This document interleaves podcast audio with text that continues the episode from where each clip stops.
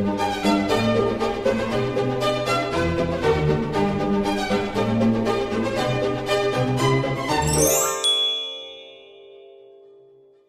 och välkomna till Kungligt med Jenny Alexandersson. och Sara Eriksson. Nu är det dags för avsnitt nummer 11. Ja, men det känns som att vi har poddat jättemycket mer än det, eller hur? Ja, det känns som att det här är liksom en standardgrej vi gör varje vecka och jag älskar det. Men det känns som att det är betydligt fler avsnitt än 11 avsnitt. Mm, verkligen. Men vi är väldigt glada över att kunna prata kungligt och leverera ett nytt avsnitt varje vecka trots den här rådande situationen. Ja, fast det är ju lite tråkigt att inte få sitta i samma studio, det måste jag verkligen säga. Det är trist. Det är väldigt tråkigt och det är så mycket roligare att få ses. Man får spela in med riktigt ljud. Vi ses i studion och vi pratar på. Men vi, vi får se fram emot det helt enkelt och sen får vi hålla det så här så länge. Ja, Ja, det går ju att lösa i alla fall. det går att lösa. Och hur har du det Jenny? Det är tur att vi kan hålla kontakten så här och via sociala medier. Ja, men verkligen. Alltså, just nu sitter jag i mitt eh, kök slash, vardagsrum och solen skiner in genom fönstren och eh, på ett sätt är det skönt. Det är inte lika mycket trafik så det är ganska lugnt nu med liksom, öppet fönster. Det är riktigt vårväder ute. Ja, men vad skönt. Då, Och du då? Då Hur ser man det ändå lite dig? positivt. Jo, men det är bra. Jag hade ett litet problem här precis innan inspelningen för det sågades ner massa träd precis utanför. och det var ett ljud jag kände att det inte skulle in i podcasten. Men Mm. jag har liksom hoppat in i garderoben nu och omringat mig med massa textilier just i ett försök om att stänga det här ljudet eh, utanför. Men om ni Ja. hör lite sågande, då vet ni varför. Jag är på landet med andra ord. Jag är på, på landet, det är jag. Ja. Och eh, som sagt, här sågas det träd. Så att, eh, ja, jag gömmer mig inne i garderoben just nu.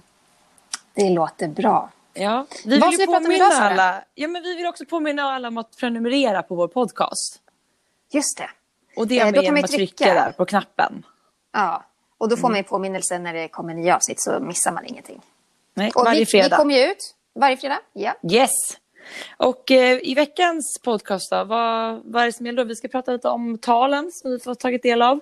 Och sen Ja, är det ju tre företagsstyrande som ligger lite risigt till här nu i och med den här rådande situationen. Det kan man ju verkligen säga. Men det är ju spännande med de här eh, monarkerna som håller då tal till nationen. Det sker ju inte så väldigt ofta, men det har ju hänt nu i veckan. Det har varit vår egen kung som höll ett direktsänt eh, tal och även drottning Elizabeth av Storbritannien. Ja, men precis. Och de här eh, bryllingarna, ja, de, de höll då tal till sina nationer. Man kanske ska säga det att vår kung, det händer kanske oftare att han håller tal till folket än vad drottning Elizabeth gör. Men som du sa så talade ju då kungen från Stenhammars slott, där han tillsammans med drottning Silvia befinner sig sedan en tid tillbaka. Vi lyssnar på hur det låter. Välkommen till Stenhammar. Veckan som leder fram till påsk kallas ofta Stilla veckan. Den veckan inleds idag på palmsöndagen. Och på många håll är den mer stilla än någonsin. Covid-19 har Sverige och världen i sitt grepp. Gator och torg är nästan tomma och, och tysta. Pandemin slår också hårt mot, mot företag och jobb. Och den eh, svenska ekonomin, ja, mot hela det svenska samhället. Samtidigt, i andra delar av vårt samhälle har man allt annat än en, än en stilla vecka framför sig. Jag skulle vilja säga en civil mobilisering är inledd. Jag tänker då främst på hälso och sjukvården. Där eh, arbetar nu anställda och volontärer tillsammans för att rädda så många liv som möjligt. Det är en, eh, det är en stor uppgift. Det krävs mod och det kommer att krävas uthållighet. Till alla er som deltar i detta viktiga arbete vill jag rikta mitt djupt kända tack. Låt oss eh, sända en tanke till alla de som eh, nu ser till att eh, Sverige även i övrigt fortsätter att, att fungera. Trots en ansträngd situation och trots risken för den egna hälsan. Alla ni som ser till att våra äldre får den omsorg de behöver och att vi kan eh, handla mat, att eh, kollektivtrafiken fungerar och allt annat som vi så lätt tar för givet. Till er sänder jag också ett stort och varmt tack. Stilla veckan leder oss eh, som sagt fram till påsken. För mig och för många i vårt land är det en eh, viktig och eh, efterlängtad helg. Det är en tid då man eh, gärna vill resa och, och kanske umgås med eh, släkt och vänner och många går i, går i kyrkan. Men eh, en del av detta kommer inte vara möjligt denna påsk. Det måste vi acceptera. Vi måste tänka om. Ställa in oss på att stanna hemma. Det kan, känns, kan kännas tråkigt. Men eh, det kommer fler påskhelger. För de flesta av oss handlar det trots allt om ganska, ganska små uppoffringar. Inte minst om man jämför med att bli allvarligt sjuk, att förlora en vän eller en familjemedlem. Jag tänker idag särskilt på alla barn i vårt land som nu eh, riskerar att förlora far och, och, och morföräldrar. Och att gå miste om den trygghet och erfarenhet som det kan erbjuda. För deras skull måste vi agera ansvarsfullt och osjälviskt. Den skyldigheten har vi alla i vårt land, var och en av oss. Det är fortfarande mycket som är ovisst. Men eh, en sak är säker. Vi kommer alla att minnas den här tiden och se tillbaka på den. Tänkte jag på mina medmänniskor? Eller eh, satte jag mig själv i, i första rummet? Det är val vi gör idag ska vi leva med länge. Det kommer att påverka många. Och snart kommer påsken. Och oavsett om vi firar den eller inte tror jag att vi alla kan eh, ta till oss av dess budskap. Vandringen är lång och mödosam. Men i slutet segrar ljuset över mörkret och vi kan åter känna hopp. Om några veckor fyller jag ja, 74 år. Det är ganska mycket. Men eh, det betyder också att jag har hunnit uppleva många av de kriser som vårt land har gått igenom. Jag har sett hur, hur kriser hjälper oss att omvärdera, att skilja mellan viktigt och oviktigt. Hur rädsla omvandlas till insikt om problemens allvar och hur det kan lösas. Och en sak har jag lärt mig. Oavsett hur djup eller långvarig krisen blir så tar den förr eller senare slut. Och när den gör det, ja, då kommer vi alla att ha nytta av den omtanke och den kraft som svenska folket nu uppbådar. Den kraften kommer att vara tillgång för vårt land i den framtid som vi längtar efter. Med de orden önskar jag dig och alla i Sverige en fin påskhelg, trots allt. Och även om det kan kännas svårt, så kom ihåg, du är inte ensam. Vad tyckte du om det här talet, Jenny? Jag tycker om det. Jag tycker det är bra att kungen gör ett sånt här uttalande eller håller tal. Eh, det finns en viss eh, betydelse och symbolik i det hela, men om man ska gå in på det han säger så tycker jag att det är väldigt fint. Han pratar mycket om ansvar och hopp. Det gjorde han ju även den 18 mars när han gjorde ett uttalande vid den extrainsatta konseljen med regeringen. Men eh, han pratar om ansvar för sin egen skull och för andras skull. Och han sa ju det också, att vi måste acceptera och ställa in oss på att stanna hemma. Det kommer fler påskhelger och det har han ju helt rätt i. Och det är ju såna här grejer som, som även Folkhälsomyndigheten och statsministern har påtalat att följ alla riktlinjer. Mm. Och kungen sa ju också det att det är en liten uppoffring jämfört med att bli sjuk eller att förlora någon. Och det här är ju verkligen att inskärpa allvar i lyssnarna de val vi gör idag ska vi leva med länge. Han lägger ju liksom lite så här skuldbörda på oss som lyssnar. Får man han säger just där, tänkte jag på mina medmänniskor eller satte jag mig själv i första rummet? Det vi gör idag mm. ska vi leva med länge och det kommer påverka många och det har han ju helt rätt i. Verkligen. Och samtidigt så är det ju lite hopp. Eh, han pratar om ett ljus i mörkret, att ljuset segrar över mörkret och det tolkar jag lite grann som ett kristet eh, budskap. Mm. Och eh, han menar ju också att förr eller senare tar krisen slut och det har han ju helt rätt i. Mm. Eh, det finaste kanske tycker jag, det är det han säger i slutet. Att du är inte ensam. För det tror jag är ett jättestort problem i lite överallt just nu. Att när man sitter lite isolerad, kanske inte går till jobbet på samma sätt. Eh, man kanske inte har ett jobb, man kanske förlorat det. Eller är i en riskgrupp och gammal och sitter väldigt ensam. Mm. Jag tror man behöver höra de här orden att vi är i detta tillsammans. Verkligen. Jag tyckte också det var fint att han, även om jag hade, kanske hade räknat med lite mer personlig eh, känsla över hela talet, för att när vår kung är personlig, det är också då det blir som allra bäst. Men vi fick mm. ju några sådana här personliga glimtar. Han pratar ju dels om att han själv fyller 74 år om några veckor. Han säger att det är ganska mycket, men att det också betyder att han har hunnit uppleva många kriser som hans land gått igenom.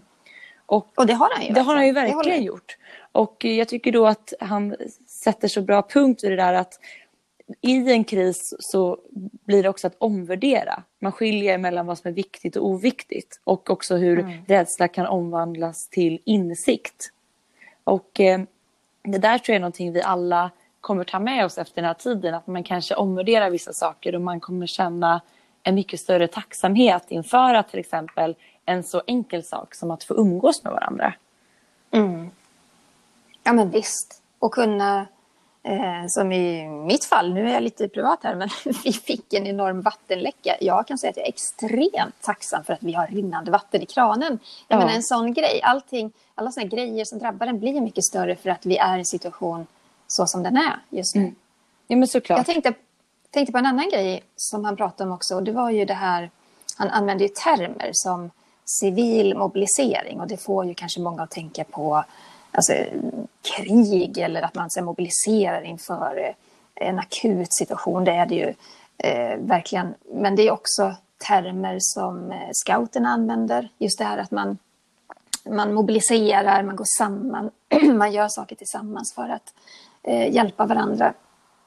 Och det är fint att han, att han tar med någonting sånt också tycker jag. Ja men verkligen och det jag tycker är bra, som du nämnde så höll ju kungen ett tal den 18 mars. Men det var ju då i samband med den här konseljen på Kungliga slottet. Nu fick vi ändå ett mer personligt tal, ett tal som var verkligen direkt riktat till svenska folket därifrån Stenhammars mm. slott. Så att jag tyckte det var bra att vi ändå fick ett tilltal ifrån vår kung. Men får jag göra en jämförelse då? För att, eh, kommer du ihåg det här talet som kungen höll vid, efter tsunamikatastrofen? Ja, det är väl hans mest hyllade och det bästa talet han någonsin har hållit.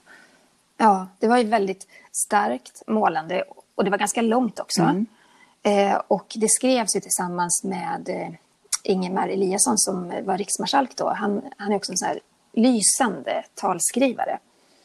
Och eh, i det talet så sa ju kungen, alltså då var han personlig på det viset att han pratade om saknaden efter sin egen pappa mm. som han förlorade när han var nio månader gammal i en flygolycka. Och då sa han att jag vet något om hur det är att förlora en förälder och det var väldigt mycket fokus på de här barnen som förlorat en förälder i vågorna. Jag tyckte att det faktiskt återkom även i det här coronatalet. Ja, det gjorde det ju verkligen.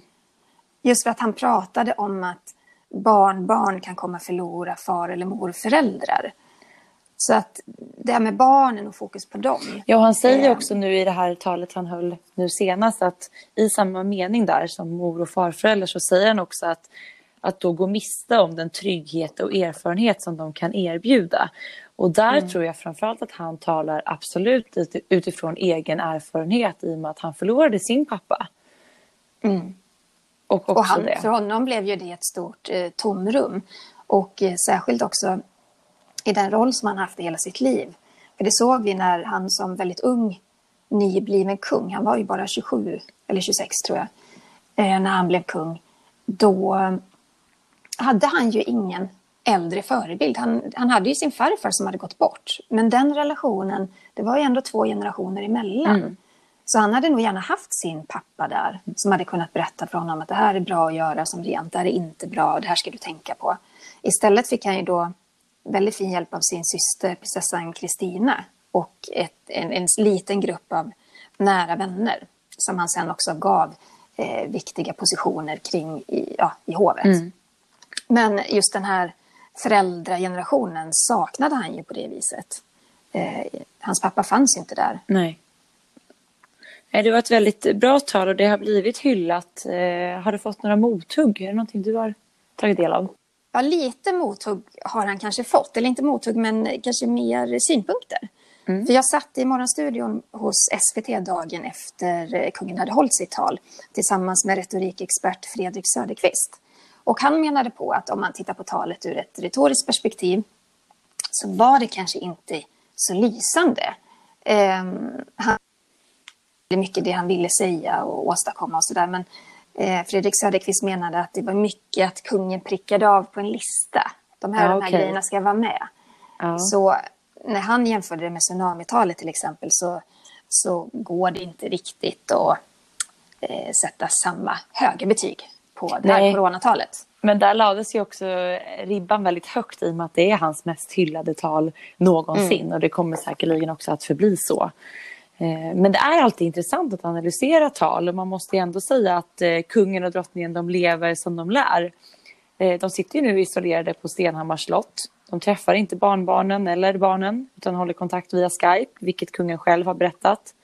Och eh, kungen jobbar ju heller inte med kronprinsessan då av naturliga skäl utan det är mm. kronprinsessan som nu är ute lite mer på fältet men även då jobbar vid hemmakontoret på Haga slott. Och där har vi sett väldigt mycket bilder som har strömmat in från deras sociala konton. Att de har ju digitala möten eh, mestadels. Även Victoria och Daniel, även om de gör vissa besök sådär. Mm. Eh, så att de håller sig i skinnet. De håller sig i skinnet. Och som mm. sagt, en annan monark som höll tal samma kväll, det var ju drottningarnas drottning Elisabeth som talade till hela samväldet från Windsor Castle. Och eh, vi ska lyssna på hur det lät. I'm speaking to you at what I know is an increasingly challenging time. A time of disruption in the life of our country.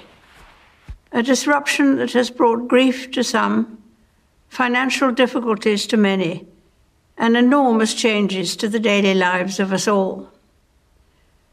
I want to thank everyone on the NHS frontline, as well as care workers and those carrying out essential roles who selflessly continue their day to day duties outside the home in support of us all. I'm sure the nation will join me in assuring you that what you do is appreciated and every hour of your hard work brings us closer to a return to more normal times.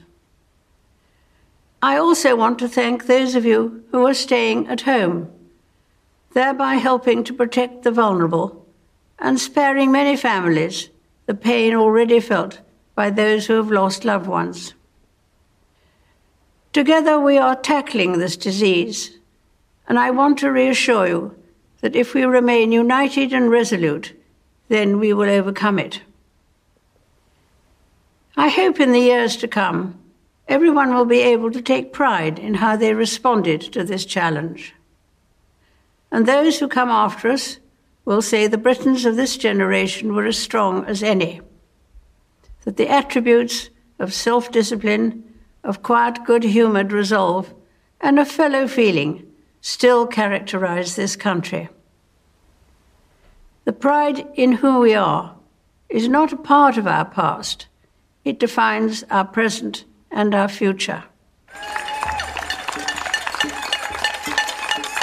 The moments when the United Kingdom has come together to applaud its care and essential workers will be remembered as an expression of our national spirit. And its symbol will be the rainbows drawn by children.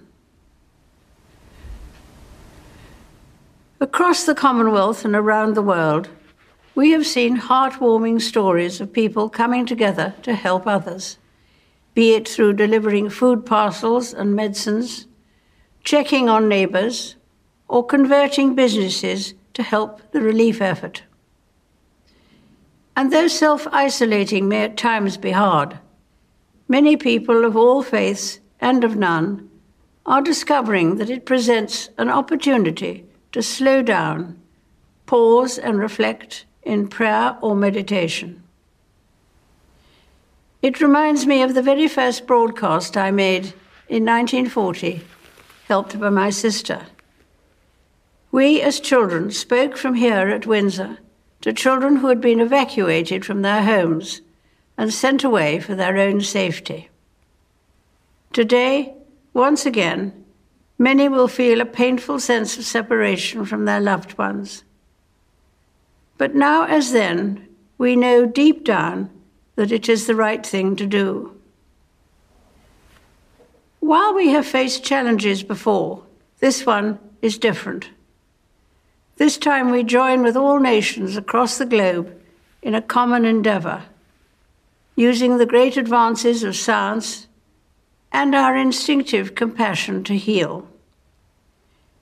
We will succeed, and that success will belong to every one of us. We should take comfort that while we may have more still to endure, better days will return. We will be with our friends again. We will be with our families again. We will meet again. But for now, I send my thanks and warmest good wishes to you all. Vilken stålkvinna. Ja men verkligen. Och eh, jag såg ju det här live när det sändes på, på tv. Och det som förvånar mig ganska mycket är att hon fyller 94 år. Alltså mm. en vanlig 94-åring är kanske lite skranglig. Det är inte drottning Elizabeth. Hon verkar ha perfekt syn. Hon läste från en prompter. Det var inga problem för henne att, eh, eh att se det, se texten eller att eh, formulera sig tydligt och klart. Det är fantastiskt. Hennes uttal är fortfarande så drottninglika som de alltid har varit. Och hon, liksom vår kung, hon tackade ju alla som jobbar med just att kunna stoppa spridningen på det sätt som, som är möjligt. Att liksom få landet att återgå till det normala igen. Hon tackar alla människor som stannar hemma för att i Storbritannien så är det ju striktare än vad det är just nu i Sverige.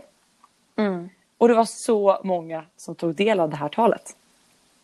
Ja, det är 24 miljoner människor världen över som lyssnade på detta. Dels talar hon ju till britterna direkt men också till hela samväldet. Och det här är väldigt stort att drottning Elizabeth håller det här talet. Det har ju bara hänt fyra gånger tidigare. Eh, 1991 vid Kuwaitkriget, 97 inför prinsessan Dianas begravning, 2002 när eh, drottning Elizabeths mamma dog och så höll hon även ett tal 2012 eh, i samband med diamantjubileet då drottningen hade suttit 60 år på tronen. Mm. Så det är väldigt sällan. Ja, och det, det är just det. Det är väl därför den här siffran på hur många som tog del av talet också är så skyhög. Med tanke på att det händer just så sällan. Sen håller hon då sitt årliga jultal, men det här är ju då ett tal utöver det. Och eh, mm. det händer sällan hon är ju faktiskt känd för att inte tala hur som helst. Utan hon... Och hon ger ju inga direkta intervjuer heller. Nej. Och just att vi har sett det tidigare, till exempel inför Dianas begravning efter hennes död, att det tog lite för lång tid tyckte folket innan drottningen ändå valde att tala. Och det var nästan ett, ett måste där och då för att liksom behålla hennes trovärdighet som drottning. Mm. Och eh, det är klart att hela världen har väntat på att drottning Elizabeth ska tala. Och nu gjorde hon det då alltså från Windsor Castle. Och, och det är där hon sitter isolerad nu tillsammans med prins Philip. Ja men precis. Och i det här talet så berättade även drottningen själv att hon också höll ett tal, eller ett radiosänt eh, prat kan man säga, för 80 år sedan när hon bara var 14 år. då tillsammans med sin lilla syster Margaret. Och eh, det var då som sagt ett radiosänt tal som riktade sig då till barn under kriget. Och det här var då någonting hon tog upp igen i och med att hon ändå tycker att även om det inte är krig nu men det finns ju en viss likhet just det här med att man hålls isolerad och man tas ifrån kanske sin vardag för att sätta sig själv i trygghet. Mm. Hon... Och vad sa, hon i det, vad sa hon i det talet när hon var 14? Nej, men i, under det här talet i, när hon var 14 då, som hon höll med sin lilla syster då pratade de då till andra barn som... Ja, men, vad, vad var det hon sa? Hon sa att talade från Windsor redan då eh, till barn som hade blivit evakuerade från sina hem och ivägskickade för säkerhetens skull. Och det var ju under andra världskriget? Ja, men precis. Och då menar hon på mm. att nu återigen är det fler som känner den här smärtan av separationen från deras älskade. Och att, eh, ja, att det påminner lite om den, även om det såklart inte är samma krissituation nu som då.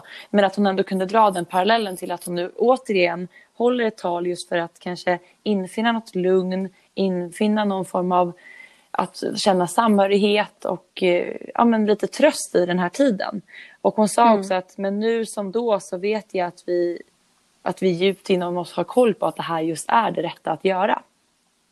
Och det var ju fler paralleller till andra världskriget i hennes tal. Mm. Jag noterade att hon citerade sångerskan Vera Lynn eh, med orden We will meet again. Vi ja, kommer ses igen. Och de här orden, alltså de är bevingade därför att eh, Vera Lynn var enormt stor under andra världskriget. Hon sjöng om längtan och mod och ja, men allting som hör till att, att orka sig igenom ett krig.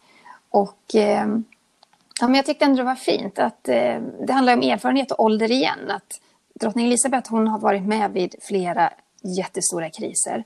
Och att eh, påminna folk om att det är inte första gången vi drabbas och vi klarade oss jättebra förra gången. Vi kan klara det här precis lika bra. Jag tycker ändå att Och jag tror också att det är bra att, att påminnas. Eh, vi tillhör ju ändå en generation där vi har haft det väldigt, väldigt bra och inte mötts av särskilt mycket motgångar i den här formen.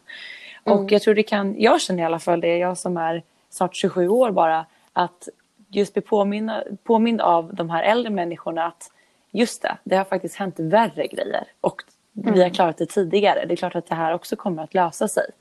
Och det finns en trygghet i att höra drottning Elizabeth och vår kung säga det. Ja, sen får man ju komma ihåg att, eh, att vara 94 och vara regent och eh, verkligen befinna sig i en av de här stora riskgrupperna, det är ju inte lätt. Jag tror att drottningen har det rätt tufft också, även om hon sitter på ett slott. Eh, det är ju så här att när hon filmades för det här talet så vidtog man ju stora försiktighetsåtgärder. Det fanns bara en kameraman i samma rum som drottningen och han tvingades stå vara klädd i skyddsutrustning från topp till tå. Just för att inte smitta henne ifall han skulle ha burit på, på viruset. Och de andra människorna som var inblandade, de fick då vänta i ett rum vid sidan av. Mm. Just för att inte vara i direktkontakt med henne. Mm. Men finns det liksom några likheter utöver de vi har pratat om i, i talen mellan då bryllingarna, drottning Elizabeth och vår kung? Ja, men framförallt så finns det ju vissa moment som man inte kan utelämna och det är väl att tacka och uppmärksamma de som eh, får oss att ta oss igenom den här krisen som vårdpersonal, polis, eh, ja, men vilka grupper den kan vara. Och det, det lyfter ju både vår kung och drottning Elizabeth. Mm. Sen tycker jag också då det här pratet om ansvar, det kom ju faktiskt från båda väldigt tydligt. Eh, och det är väl också, ingår väl också i rollen som regent att vara den här samlande, enande kraften och liksom peka med hela handen att nu tar vi ansvar allihopa, vi är i detta tillsammans. Ja, och drottningen hon nämnde ju också det här att den här tiden kommer att finnas med i historieböckerna och då, måste, då vill vi bli beskrivna som ansvarsfulla. För att det här definierar ändå framtiden. Mm. Ja men verkligen. Och sen också just att de båda lyfter hur länge de faktiskt har suttit på tronen och hur många motgångar de har mött för. Ja, det är ju 68 år snart. Ja, det är helt otroligt.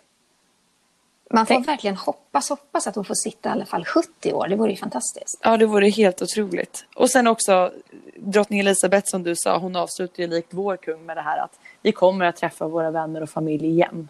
Och det känns ju skönt. Det måste vi mm. påminna mm. oss om. Men vad betyder de här talen, Sara, egentligen? Ja, men de betyder väldigt mycket och då särskilt i Storbritannien då det händer så ytterst sällan. Eh, vi alla vi behöver kraft, vi behöver känna oss enade och framförallt påminnas om att vi inte är ensamma.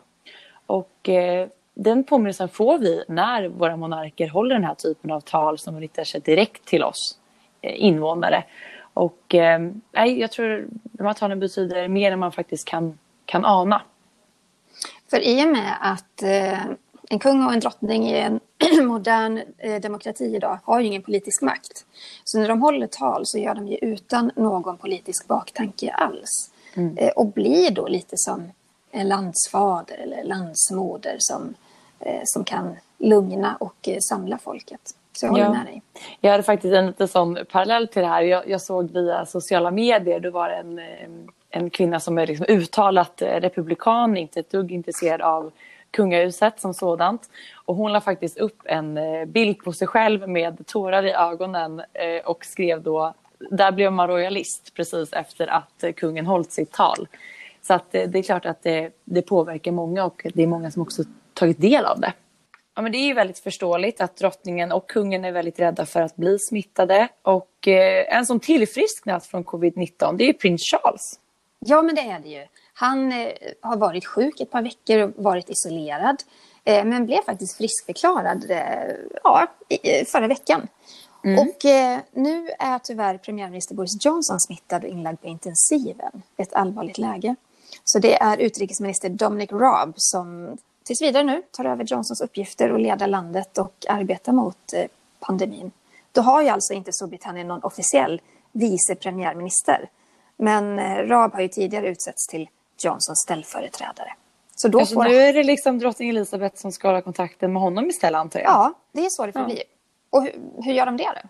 Ja, men det är ju då via, vanligtvis ses de ju på Buckingham Palace, men det är ju inte så lägligt just nu, utan det sker Tired of ads barging into your favorite news podcasts? Good news. Ad-free listening is available on Amazon Music for all the music plus top podcasts included with your Prime membership. Stay up to date on everything newsworthy by downloading the Amazon Music app for free or go to amazon.com slash news ad free. That's amazon.com slash news ad free to catch up on the latest episodes without the ads. Via telefon Och eh, som vi pratat om tidigare här i podden så eh, drottning Elizabeth hon använder ju ingen smartphone inte utan det är en sån klassisk hederlig gammal telefon med snurrsladd. Det är liksom självklart att hon ska ha den. Jag minns ju, jag minns ju det där. Vi hade också en sån hemma när jag var liten. Man borde spara dem. Tid, tar en jäkla tid att slå in ett mobilnummer. Det gör det. Det gör det. Det fanns inte så mycket mobilnummer då på den tiden. Men, ja. men jag tänker att drottningen lär väl kanske behöva knappa in ganska långa nummer nu. Ja, såklart. Ska ringa så, till Harry och William. Precis, Sara. Mm. April är här och ja. utöver fantastiskt vårväder, blommor och fågelkvitter så bjuder den här månaden faktiskt också på tre stora kungliga födelsedagar. Ja, det är ju inte vilka som helst som fyller år utan det är drottning Margareta av Danmark, drottning Elisabeth av England och kung Carl Gustaf av Sverige. Mm. Och drottning Margrethe hon fyller faktiskt 80 den 16 april. Och hon hade planerat en fest utöver det vanliga Eh, kungahus från hela världen var inbjudna att fira i flera dagar i Köpenhamn och i Danmark. Eh, danska folket de var inbjudna till Amalienborg, men även Fredensborgs slott för att fira tillsammans med drottningen. Nu är allt inställt. Och vi pratar ja, så om, himla, himla tråkigt. Ja, vi pratar om två stora galamiddagar. En i Kristiansborgs slott, en på Fredensborgs slott och en stor festföreställning på Det Kungliga Teater som skulle tv-sändas. Och såklart den traditionella hyllningen utanför drottningens sovrumsfönster på morgonkvisten. När hon blir väckt av födelsedagssång. Ja, och då är det liksom hela familjen och eh, tillresta kungligheter. De, alltså de står verkligen och sjunger och grattar drottningen som öppnar upp sitt fönster, ofta med en rufsig sovfrisyr och eh, tackar och eh, bockar. Men man bara älskar ju att drottning Margareta är just den hon är och att hon, det finns ingenting att det ska dras ner på något sånt typ av firande utan allt ska ske och hon ska bli väckt på morgonen precis som mm. det ska vara. Som det har varit ända sedan man var liten. Ja men precis. Det är och jag hade faktiskt planerat att åka ner till Köpenhamn just för att vara på plats under firandet. Och hade, jag hade verkligen sett fram emot det här. För att eh, för två vårar sedan så var jag på plats i Köpenhamn när kronprins Fredrik fyllde 50 år. Och det var ju verkligen en sann folkfest och det var väldigt, väldigt kul att få vara där för att hela, hela Danmark kokade liksom. Det var danska flaggor, det var hurrarop och det, var en väldigt härlig, härlig stämning. Och vi hade faktiskt också hyrt då en lägenhet vars fönster var ut mot gatan där den här pampiga kortegen körde förbi. Så att jag fick vinka ner till kronprins Fredrik och kronprinsessa Mary innan de drog iväg på galamiddag. Det var väldigt pampigt. Alltså Köpenhamn på våren, är ju, alltså våren och sommaren är ju ändå fantastiskt. Jag kan tänka mig att det var härlig stämning. Ja, det var underbart och jag älskar ju Köpenhamn. Jag tycker det är en fantastisk stad. Skulle jag inte bo i Stockholm skulle jag vilja bo i Köpenhamn. Så att, hade verkligen sett fram emot drottning Margretes 80-årsfirande och det hade ju sannoliken hon också gjort. Men mm. nu blir det inget av med det. Nej. Men den 21 april då fyller ju drottning Elisabeth 94 år. Och eh, trots att hon fyller i april så är det ju så att hon firas alltid i juni, den andra lördagen i juni. Mm. Och då brukar ju britterna gå man ur huset för att se den här pampiga födelsedagsparaden, Trooping the Colour. Och ja, det är inget man vill missa. Nej, hela kungafamiljen samlas på Buckingham Palace balkong för att vinka till folket och titta på paraden. Eh, och eh, sen så åker ju drottningen hästvagn genom stan och eh, då får ju alla som vill då chans att se henne och vinka till henne och hela familjen. Ja, och det är över 2000 personer inblandade i den här paraden och över 400 hästar. Och sen som du sa så lockas det ju flera tusentals människor och det är en riktig folkfest i hela London. Men det är ju lite speciellt att den firas på sommaren när det egentligen är 21 april som är hennes födelsedag. Ja, men det är lite konstigt. Och den här traditionen att eh, fira födelsedagen vid eh, två olika tillfällen, den sträcker sig tillbaka hela 250 år i tiden. Det var nämligen så att kung George den andra, han föddes i november år 1748 och eh, som vi vet så regnar det ju väldigt mycket, kanske som allra mest i november i Storbritannien. Det är ett riktigt ruskoväder då. Och eh, kungen han ville ju ha ett stort officiellt firande och därför bestämde han helt enkelt att han istället skulle att firas under sommarhalvåret med en stor och mäktig parad. Och ja, men sedan dess har liksom traditionen hängt i och de brittiska monarkerna har firats med pompa och ståt och med solens då allt som oftast värmande solstrålar. Mm. Men nu så meddelar brittiska hovet att drottning Elizabeths födelsedagsparad den kommer inte att genomföras på samma sätt i år och det är ju på grund av coronakrisen. Mm. Och jag tror att med all sannolikhet så kommer den att ställas in och att man väljer att göra något slags annat firande helt enkelt som inte gör att folk behöver samlas i grupp. Ja, men just de sitter i, de själva pratar de ju om att man ska inte umgås, man ska inte helst gå ut och allting och då är ju ett sånt här firande absolut inte det bästa upplägget. Utan Nej. då är det ju en väldigt trängsel och även att kungligheterna själva träffar varandra och allt det där. Så det är väl inte riktigt lägligt. Nej men så är det ju. 30 april, valborgsmässoafton, då är det ju allmän flaggdag. Och mm. även kungens födelsedag. Och i år fyller han ju 74, vilket han även nämnde i sitt eh, coronatal. Ja, och vanligtvis så firas ju kungen på Yttre Borggården. Det skjuts salut från Skeppsholmen. Och eh, musik under firandet på Borggården står ju marinens musikkår för. Och arméns musikkår och eh, Livgardes dragonmusikkår för. Så det är en riktig sån musikfest där inne. Mm, och sen samlas det också väldigt mycket folk på Borggården och eh, enligt tradition då så får barn ställa sig i kö för att överlämna blommor till kungen och teckningar och vad de nu känner för. Och eh, vi brukar ju också se hela, ja men resten av familjen också vara på plats.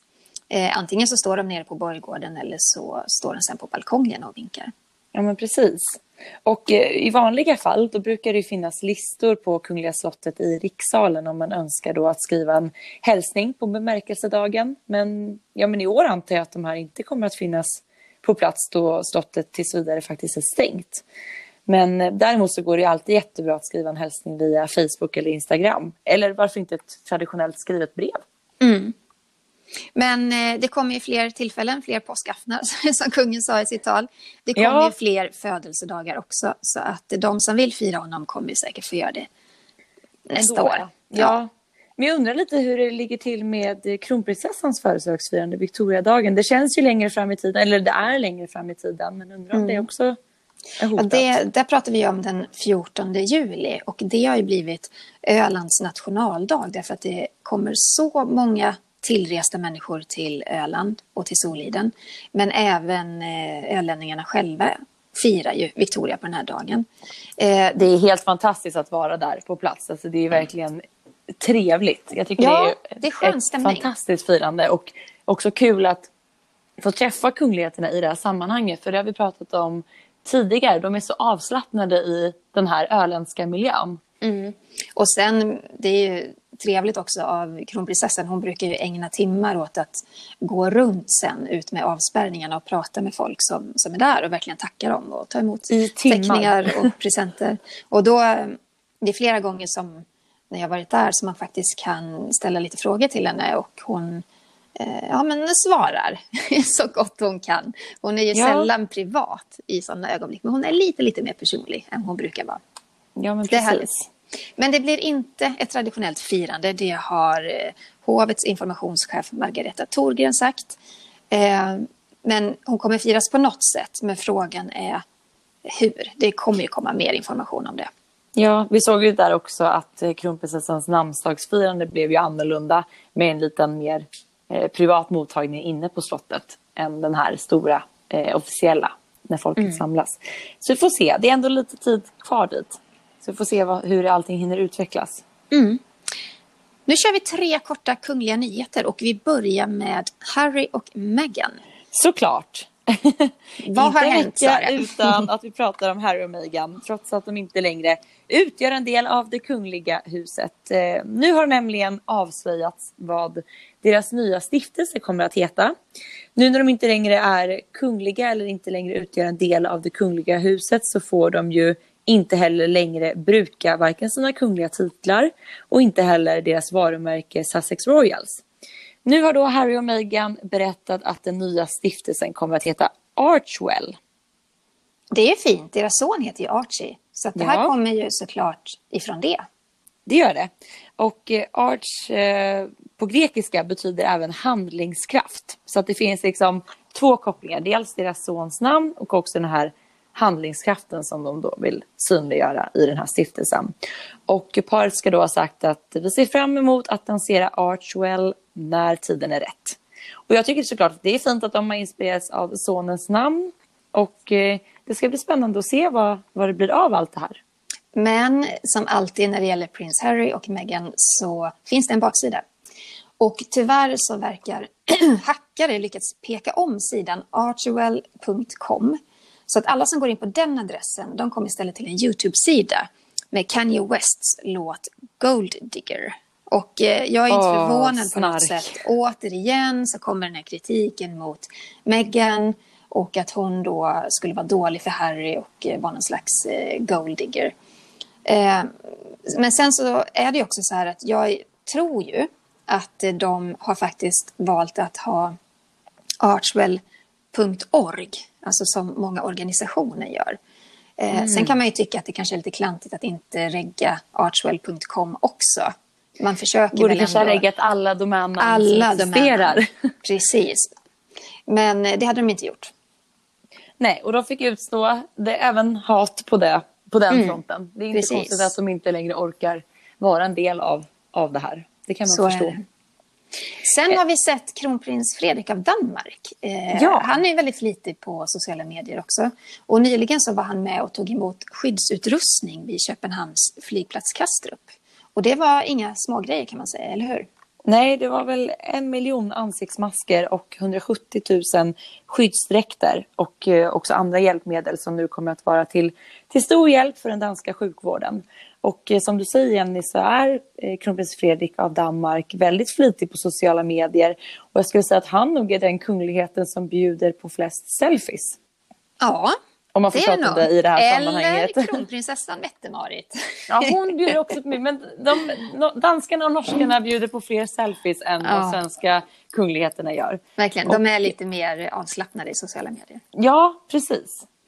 Men den 9 april då firar prins Charles och Camilla, ja, hertiginnan av Cornwall, 15 år som gifta. Och eh, de gifte sig på Windsor Castle 2005. Och det roliga är att på sitt Instagramkonto så la de eh, dagen innan det här faktiskt upp en jättefin bild på paret när de satt med sina två hundar eh, Bluebell och Bett i knät. Ja, den var fin. Den var jättesöt. Jag slogs av en tanke. Jag var ju tvungen att återigen gå in och titta lite på bilder från deras bröllop 2005. Och eh, då blev jag åter påmind om hur lik jag tycker att eh, Camillas eh, håraccessoar vid bröllopet. Den efterliknar väldigt mycket den prinsessan Lilian bar vid bröllopet med prins Bertil. Ja, det var någon sån här eh, axliknande långa spröt, mm. eller hur? Precis. Och Lilian var... hade också lite sån turkosblåa, nästan spröt. fjäderliknande spröt i, mm. i sitt hår. Ja, jag kom bara att tänka på det, en liten parallell. Väldigt fint. Mm. Vi befinner oss mitt i påskveckan och eh, kungafamiljerna runt om i Europa de brukar ta ledigt den här perioden som alla andra. Mm. Eh, svenska kungafamiljen de brukar ju vanligtvis fira upp i fjällen vid stugan i Storlien. Särskilt kungaparet, de älskar att vara där. Åka skidor, njuta i solen och eh, de brukar ju posta bilder därifrån när de sitter med någon kaffetermos i högsta hugg och fjällkläderna på och sittunderlagen och ute på picknick. Eh, I år blir det inte riktigt så.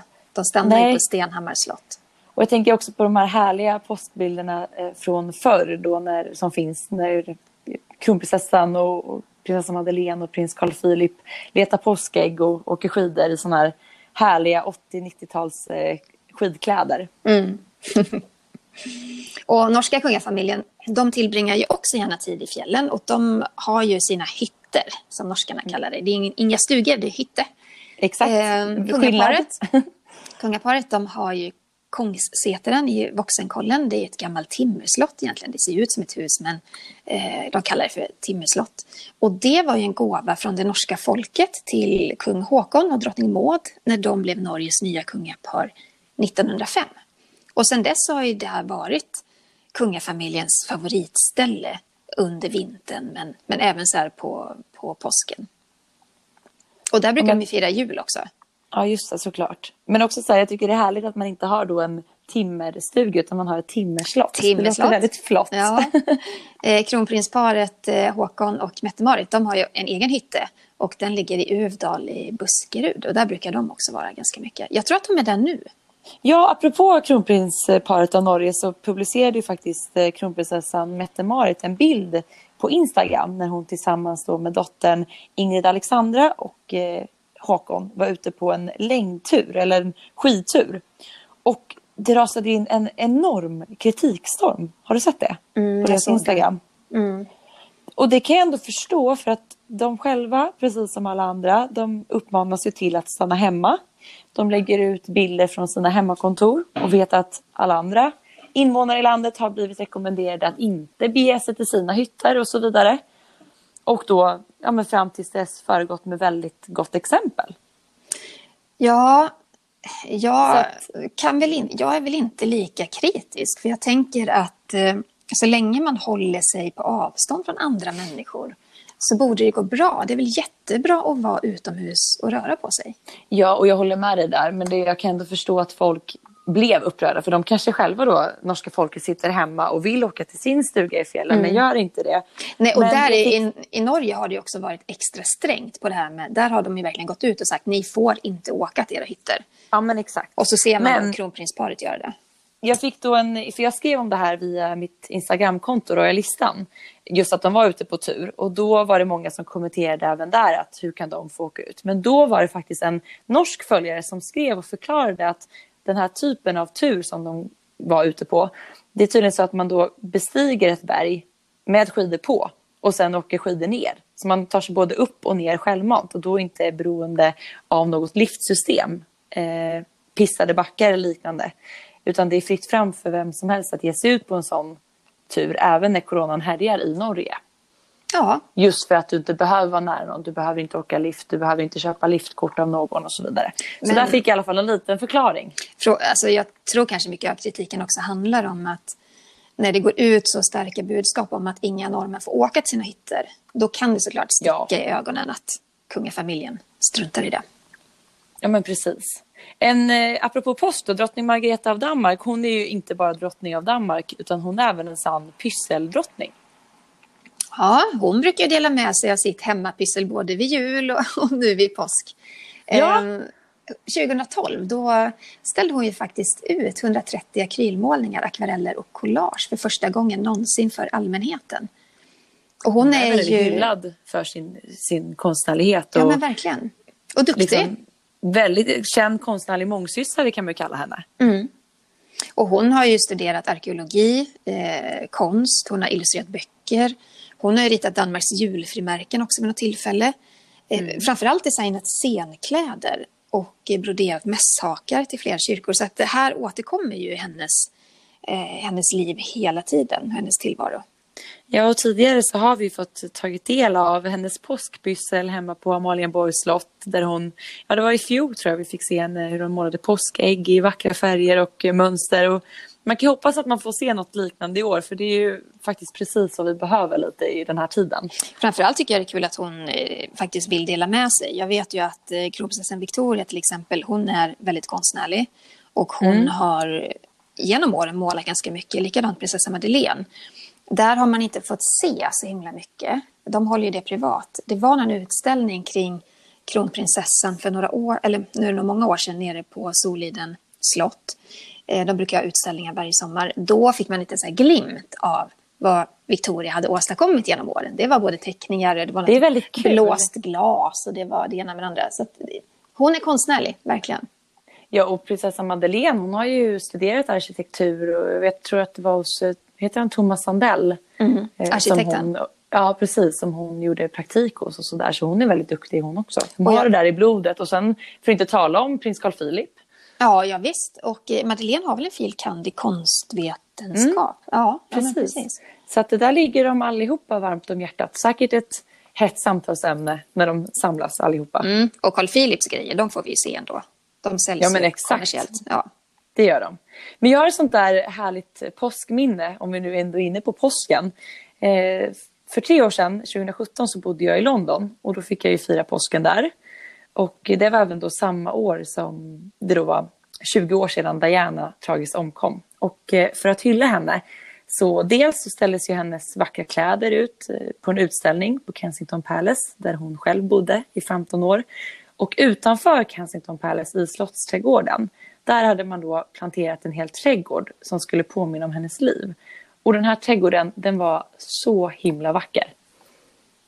Men vad, hur såg den ut? Går, går det att förklara någonting för lyssnarna? Alltså jag, jag, får nästan lägga upp en bild efter det här avsnittet har släppts på mitt Instagramkonto. För jag mm. tog väldigt mycket foton. Men tänk dig en väldigt sån avlång rektangulär trädgård som var bara fylld till bredden av massa olika blommor. Det gick i en sån här vit, beige, ljusrosa ton med några så lite mer färgstarka blommor. Äh, det var bara så himla vackert. Och sen fanns det då så beskrivningar om vilka blommor och vilken sort och varför de sen påminde om Diana. Men det är sånt väldigt starkt påskminne mm. som, som jag har. Och jag kommer ihåg att jag var lite så nedstämd över att då inte få fira påsk tillsammans med min familj i och med att jag då var i London och de var i, i Sverige. Men så snart jag kom till den här Slottsträdgården och tog del av alla de här vackra blommorna så mådde jag bättre. Och det kanske är någonting man själv kan ta till nu den här påsken. Att liksom ta, titta, kolla ut väldigt mycket vackra blommor och ting mm. ute i naturen. Man blir väldigt glad av det hela. Ja. ja, men det är viktigt att se stora saker i det lilla tycker jag. Var, ja, men hur, hur ska du tillbringa din påsk? Nej men det blir ju ute i skogen. Eh, det blir det. Och jag tänker att jag ska, ska baka väldigt mycket. Jag har liksom planerat att göra en påsktårta. Det ska bakas morotskakor. Allting med lite speciell påskfeeling. Åh, vad härligt. Och, och liksom så bestämt exakt vad som ska ätas varje dag. Handlat mat inför det. För att jag tycker att det är liksom sånt man får ha och se fram emot nu lite mm. mer. Ja, men så är det ju. Jag firar Just påsk det, i, i stan i år. Ja, det blir stan. Eh, Stadspåsken. Stadspåsk. Eh, men mm. jag tycker det är viktigt att faktiskt stanna hemma när det nu är sådana rekommendationer. Men vi ska ha lite påskäggsjakt på vår innergård. vi ska göra, Vad roligt! Ja, göra utflykter till olika parker, ha picknick. Um, och faktiskt bara njuta av att ja, men njuta av det lilla den här helgen. Man måste få äta lite gott godis också. Mm, verkligen. Tänker jag. För det var också en gullig grej då när jag var vid Kensington Palace i, i London och tog del av den här utställningen. Då gick de, det var en väldigt, väldigt lång kö för att ta del av Dianas kläder. Och det var ju då under påsken. Då gick de och delade ut såna här chokladpåskharar i guldigt folie just för att hålla stämningen i kön. Det händer bara i London, eller hur? Eller hur? Ja, härligt. Sara, vi har men fått in får- eh, flera lyssnarfrågor. Vi vill jättegärna ha fler. Och eh, vi, Ja. ty- vi tycker att ni ska skicka dem till kungligt aftonbladet.se så kommer vi att ta med dem i podden. Det är väldigt kul att få lyssnarfrågor. För det Mm. kan vara allt mellan himmel och jord och det är väldigt roligt. Den första kommer ifrån Karin som undrar vilken kunglighet tycker ni personligen är roligast att följa? Mhm. Sara, du får börja. Ja, Men jag tycker ju att, det kanske är ett självklart svar, men jag tycker ju att kronprinsessan Victoria är väldigt rolig att följa på så många olika sätt. Eh, jag tycker att hon har en fantastisk personlighet. Jag tycker att hon är väldigt bra på att belysa rätt sak för rätt tid och eh, också hennes olika modestatement. Ja, men Hon är liksom rolig att följa på så många, i så många olika aspekter. Jag håller med. Eh, jag träffade henne första gången, jag tror det var 2003. Eh, gjorde den första intervjun med henne 2004 i Saudiarabien. Eh, när jag blev skickad dit för att eh, bevaka hennes resa dit. Och eh, sen dess så har jag nog fastnat för henne. Hon var otroligt varm och välkomnande och lätt att prata med. Och det har nog blivit så att jag, det är henne jag har följt närmast. Och eh, jag tycker det är jättespännande att, att vara med och se hennes utveckling genom åren. Ja, då svarade vi samma, helt Ja. oberoende av varandra. då tar jag fråga nummer två här då. Vad händer om kungen insjuknar i corona? Vem tar över hans arbete som statschef, undrar Lena. Eh, det gör kronprinsessan Victoria. Blir han så sjuk att han inte kan eh, vara statschef, då kliver Victoria in. Och eh, är det så att hon i sin tur inte kan, då går det vidare i tronföljden. I allra värsta fall, nu är ju Estelle så liten, då utser ju riksdagen en, en tillfällig ersättare helt enkelt. Ja, men det får vi hoppas att det inte ska behövas. Eh, Nästa fråga. Har ni några kungliga stiltips inför våren? Hälsningar Emily. Där skulle jag säga direkt att scarf är nummer ett. Man kan ha en fin färgglad scarf, man kan ha den i håret som en håraccessoar, runt halsen, knyta runt handväskan eller man kan använda den som skärp. Så det tycker jag är en väldigt sån lite royal stilgrej.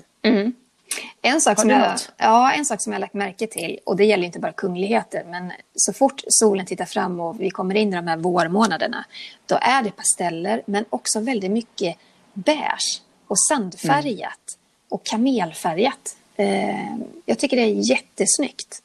Men stiltips? Mm, eh, nu när alla sitter hemma så kanske de flesta sitter i mjukisbrallor. Jag säger så här, släng gjort. av dig mjukisbrallorna, ta på dig något snyggt, du kommer vara så mycket piggare och gladare. Och sen är ju en sån här grej, ett kungligt stiltips faller väl alltid på pärlor, tänker jag.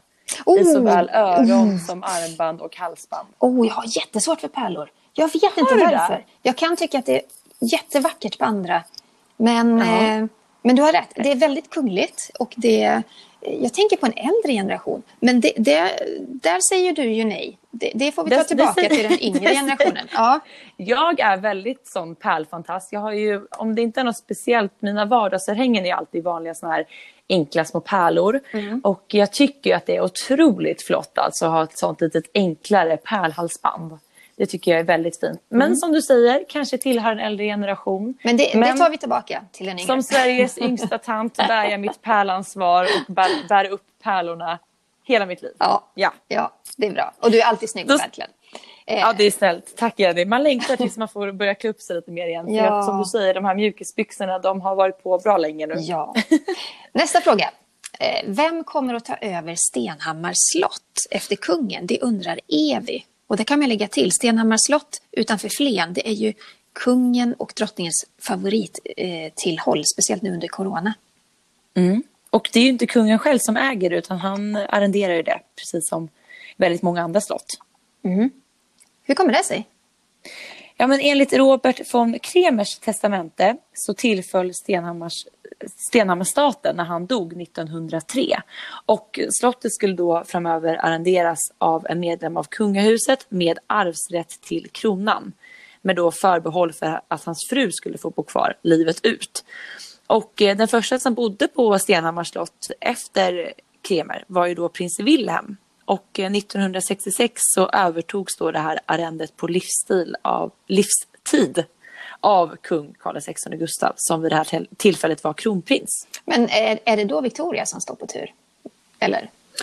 Ja, men det skulle man ju kunna tänka sig att det vore rimligt. Men det har ju då Kremer satt stopp för enligt hans då sista vilja. I och med att det står att det helst ska gå till en prins av det regerande kungahuset med eventuell arvsrätt till tronen. Mm -hmm. Det är ju spännande. Och eh, då tänker man ju kanske att det är eh, Carl Philip som vi talar om. Men år 2017 så föddes ju prins, eh, deras son Alexander. Och han är ju hertig av Södermanland. Mm. Så att det kanske är mest troligt att det är han som kommer att få förtid, förtur till arrendet av slottet. Så att, ja, vi får se. Det här liknar ju ganska mycket det här gamla fideikommiss grejen som många adelssläkter, låter sina gårdar gå vidare i arv till eh, mannen i familjen, alltså sonen i familjen. Mm. Och mm. att man då liksom förbiser eh, kvinnorna. Eh, det verkar vara lite samma sak med det här testamentet, att man har sett till då att det alltid är sönerna som, som tar över. Jag kan ju tycka att det är enormt gammaldags och... Eh, 100 procent. Ja, och eh, dåligt. Jag tror att kronprinsessan Victoria skulle kunna ta hand om den här gården, det här slottet lika bra som någon annan. Men man verkar ju hedra då testamentet och eh, fortsätta att följa, följa det helt enkelt. Ja, vi får se vem som tar över slottet när det är aktuellt helt enkelt. Mm. Vi vill ju även påminna om att ni inte får glömma att följa oss på sociala medier. Där uppdateras det kungligt dagligen. Och jag finns på Instagram, kungligt med Jenny. Och jag finns på royalistan.se. Och hörni, ta hand om varandra nu och var rädda om varandra. Lyssna på alla viktiga rekommendationer. Fira påsk, trots allt. Ja, i det som, lilla. Kungen sa, som kungen sa i sitt tal. Ha en fin påsk, trots allt. Mm. Hej då! Hej då!